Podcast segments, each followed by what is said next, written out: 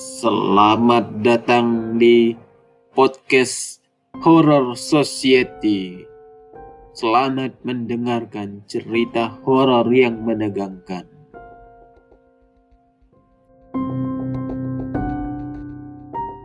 Selamat malam, nama saya Dodi. Saya ingin menceritakan pengalaman horor saya pada tahun 2013 di salah satu komplek perumahan di kota Tangerang.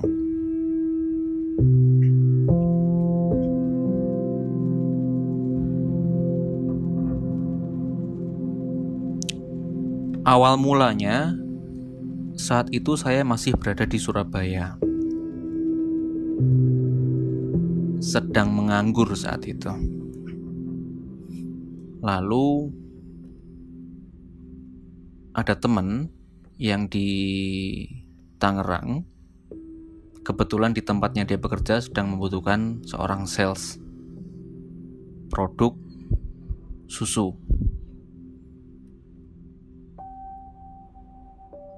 dan saya diharuskan datang ke Tangerang agar keesokan harinya bisa diinterview oleh atasan. Nah, setelah keesokan harinya ada interview, malam itu saya berangkat dari Surabaya menuju ke Tangerang menggunakan pesawat. Nah, sampailah di bandara dijemput sama teman saya. Lalu langsunglah diantar ke komplek perumahan yang terletak di pusat kota Tangerang. Uh, eh, FYI aja, komplek perumahan ini sebenarnya ada rumah-rumah warga di situ, namun disewakan untuk digunakan sebagai kantor. Jadi kompleknya termasuk komplek perumahan menengah. Di situ banyak uh, warga yang tinggal dan juga ada beberapa yang membuat usaha. Jadi rumah-rumah di komplek digunakan sebagai kantor, home office lah. Nah, setibanya saya malam itu dari bandara menuju ke kantor, ke rumah kantor. Banyak orang di situ. Mulailah perkenalan satu-satu dengan driver, dengan OP, dengan sales yang lain. Kan malam saat itu. Sudah bukan jam kerja.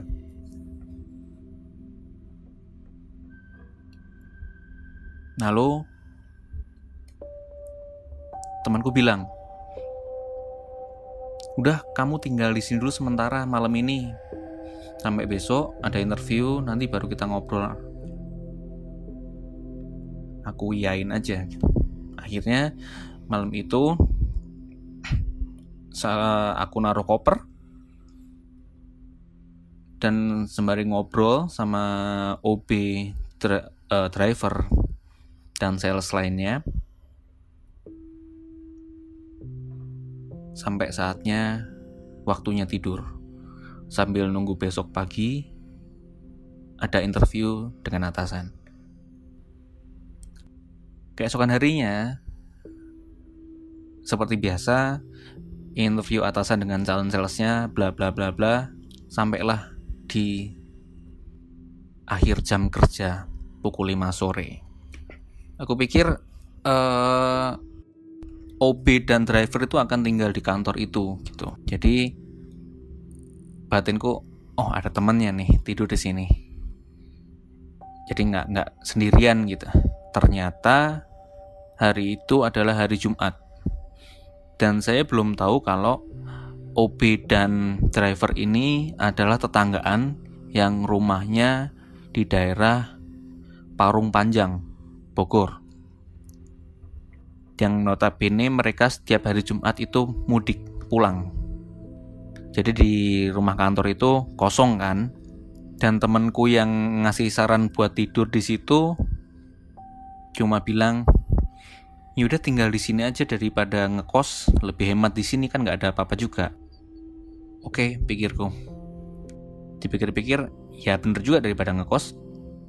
Besoknya Sabtu, Sabtu libur, Minggu libur, jadi ada tiga hari di situ. Saya sendirian. Posisi saya saat itu ada di ruang tengah.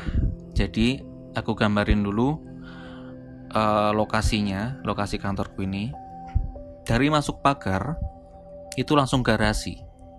Kemudian untuk masuk ke ruang tamu itu harus belok kanan. Ada ruang tamu kecil, kemudian masuk belok kiri itu adalah ruang tengah yang dipakai untuk admin dan finance. Jadi di situ ada ada tangga ke atas juga. Yang di atas adalah ruang untuk telemarketing. Tangganya model zigzag gitu. Jadi kalian naik, kemudian kalau ke lantai dua kalian naik lagi ke putar balik gitu. Nah pas lagi main laptop itu nggak sengaja nih di sudut mataku yang kanan kemudian aku kan ngadep ke samping tangga ada sekelebat seperti asap itu naik ke tangga. Aku cuekin, paling asapnya obat nyamuk. Soalnya aku kan lagi bakar obat nyamuk di situ. Aku cuekin. Lalu setengah jam kemudian itu asapnya muncul lagi. Asapnya yang agak tebel dia naik ke tangga lagi. Kuliatin kan biasanya kalau asap itu misalkan kena angin pasti dia langsung menghilang tapi ini enggak. Dia seperti asapnya berupa asap padat dia naiknya menyusuri tangga sampai lantai dua. Aku langsung curiga kan. Kok ada asap? Padahal obat nyamuknya di sebelah kiri. Kan aku ngelihatnya di kanan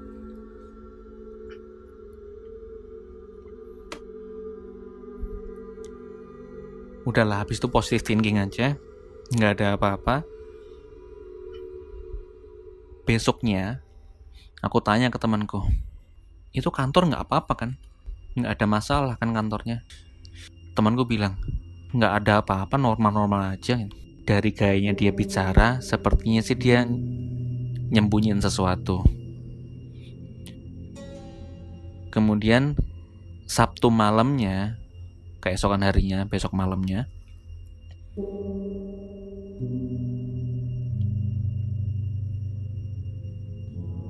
kan masih nggak ada orang tuh hari Sabtu. Saya tidur di kantor juga. Tidur di kantor, ada matras nganggur punyanya si OB yang kalau Senin sampai Jumat dia nginep di situ. Ada ma matras nganggur aku pakai tidur di ruang tengah. Tepat di bawah meja yang aku main laptop. Kalau nggak salah itu jam 11 malam. Tidur deh. Rebahan gitu kan sambil merem. Pas aku merem rasanya tuh di depan muka ada yang berisik banget ada kayak yang uh, gimana sih kalau misalkan telinga tuh ada kayak yang orang lewat di telinga gitu? Tapi ini kondisinya di, di depan muka. Seperti ada yang jalan seperti ada yang ngibas-ngibasin kain seperti gitu. Rasanya seperti kita lagi dikibas sama kain tipis gitu. Terus aku coba melek nggak ada apa-apa. Merem lagi deh akhirnya masih berisik terus ada berisik gitu. Akhirnya tidurnya saya pindah di musola karena agak takut kan tidur di musola. Dan sampai besok pagi nggak ada apa-apa.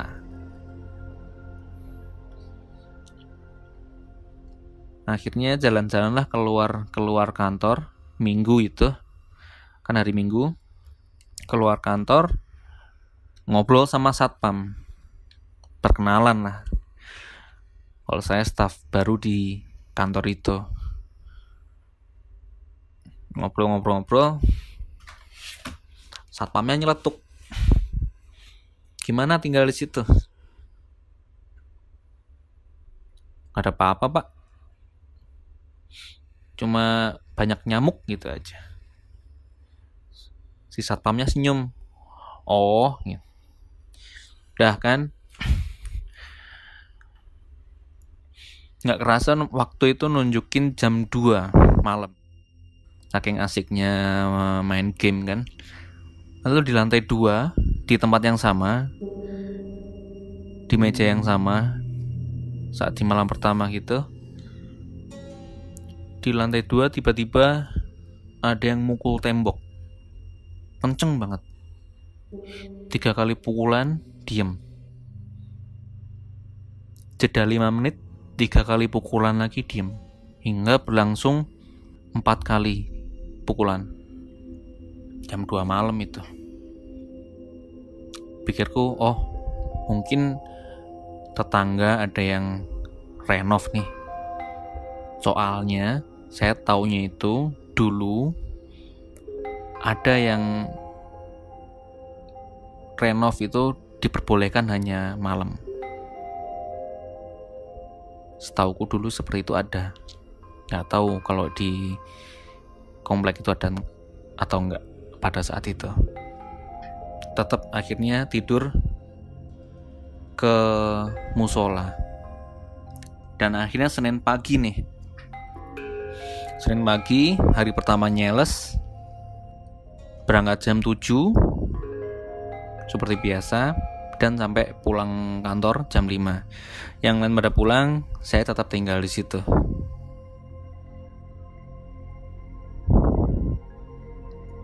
Nah, pas udah pulang jam kantor, aku sempetin tuh main ke pos satpam, nanya ke satpam yang kemarin aku ajak ngobrol, itu samping rumah ada ini ya, ada tukang ya, lagi benerin rumah ya. Samping yang mana? Samping yang kananmu itu, itu rumahnya pilot. Samping yang kiri itu punyanya orang luar kota tapi udah nggak ditempatin selama lima tahun. Orangnya datang ke situ cuma buat bersih batinku langsung wah siapa dong? Kalau maling kan nggak mungkin. Iya mulai mulai agak takut sih setelah denger satpam bilang gitu. Terus aku cerita. Itu pak semalam ada yang ngetok-ngetok. Jam 2 loh. Oh nggak apa-apa itu. Paling ada yang iseng oh gitu ya? Udah biarin aja kata kata satpamnya. Akhirnya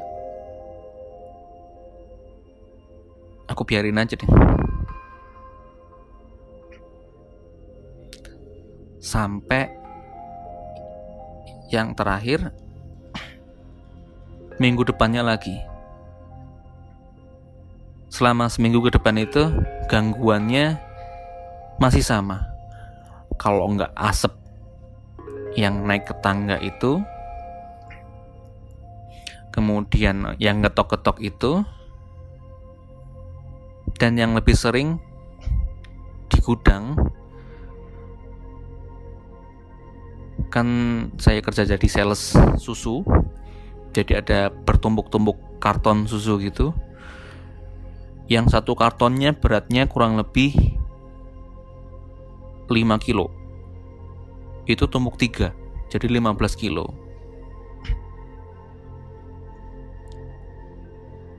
Tumbuk tiga pada saat itu dia terlempar. Waktu itu kan aku lagi di ruang tengah lagi mainan komputer. Tiba-tiba denger di gudang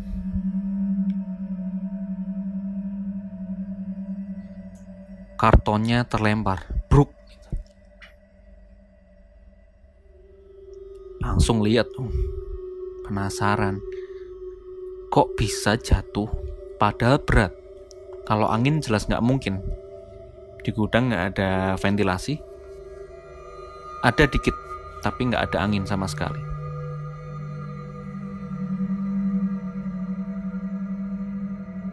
Dan sampai minggu depan kurang lebih seperti itu gangguannya hingga minggu depannya itu yang final menurutku.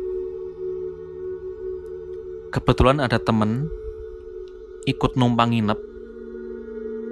Namanya AY inisial aja ya AY dia ikut main game di ruang tengah kantor rumah kantor itu tadi karena aku udah sering lihat asap yang naik tangga dan si Aye ini belum